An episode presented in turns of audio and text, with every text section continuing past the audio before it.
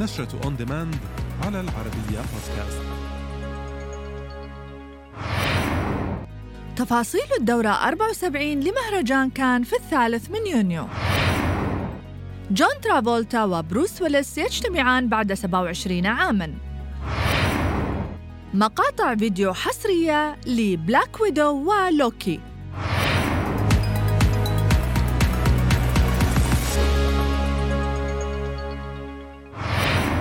يعلن منظمو مهرجان كان السينمائي تفاصيل دورته الرابعة والسبعين في الثالث من يونيو المقبل بالإضافة للأفلام المشاركة في المهرجان.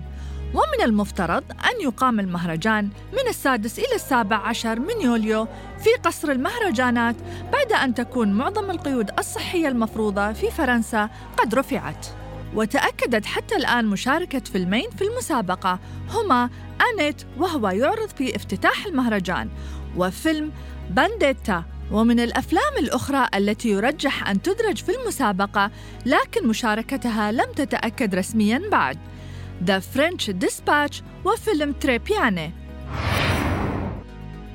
كشف موقع ديدلاين أن النجمين العالميين بروس ويلس وجون ترافولتا سيجتمعان في دور البطولة في فيلم الحركة Paradise City حيث سيظهران كخصمين في الفيلم.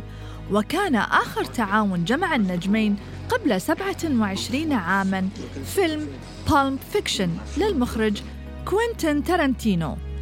وتدور أحداث الفيلم عن صائد جوائز يدعى راين سوان ويؤدي دوره بروس ويلس حيث يشن هجوما موسعا على عالم الجريمة وتحديدا على زعيم عصابة خطير وهو جون ترافولتا.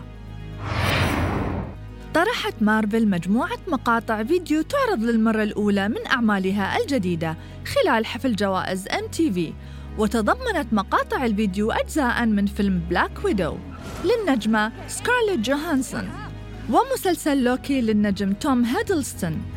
يذكر أن فيلم Black Widow تعرض للتأجيل قرابة عام ونصف العام بسبب جائحة كورونا. وكان من المفترض طرحه في شهر مايو الجاري قبل أن تعلن مارفل عن تأجيله مجددا حتى التاسع من يوليو المقبل. ومن المنتظر عرض مسلسل لوكي في التاسع من يونيو على شبكة ديزني بلس أعلنت شبكة نتفليكس عن ال trailer الرسمي لمسلسل Sweet Tooth حيث تدور أحداث المسلسل عن جاس. وهو كائن هجين ما بين إنسان وغزال. يغادر منزله لاكتشاف ما حدث للعالم وتنضم له مجموعة من البشر المهجنين. يذكر أن المسلسل من إنتاج روبرت داوني جونيور وشبكة نتفليكس.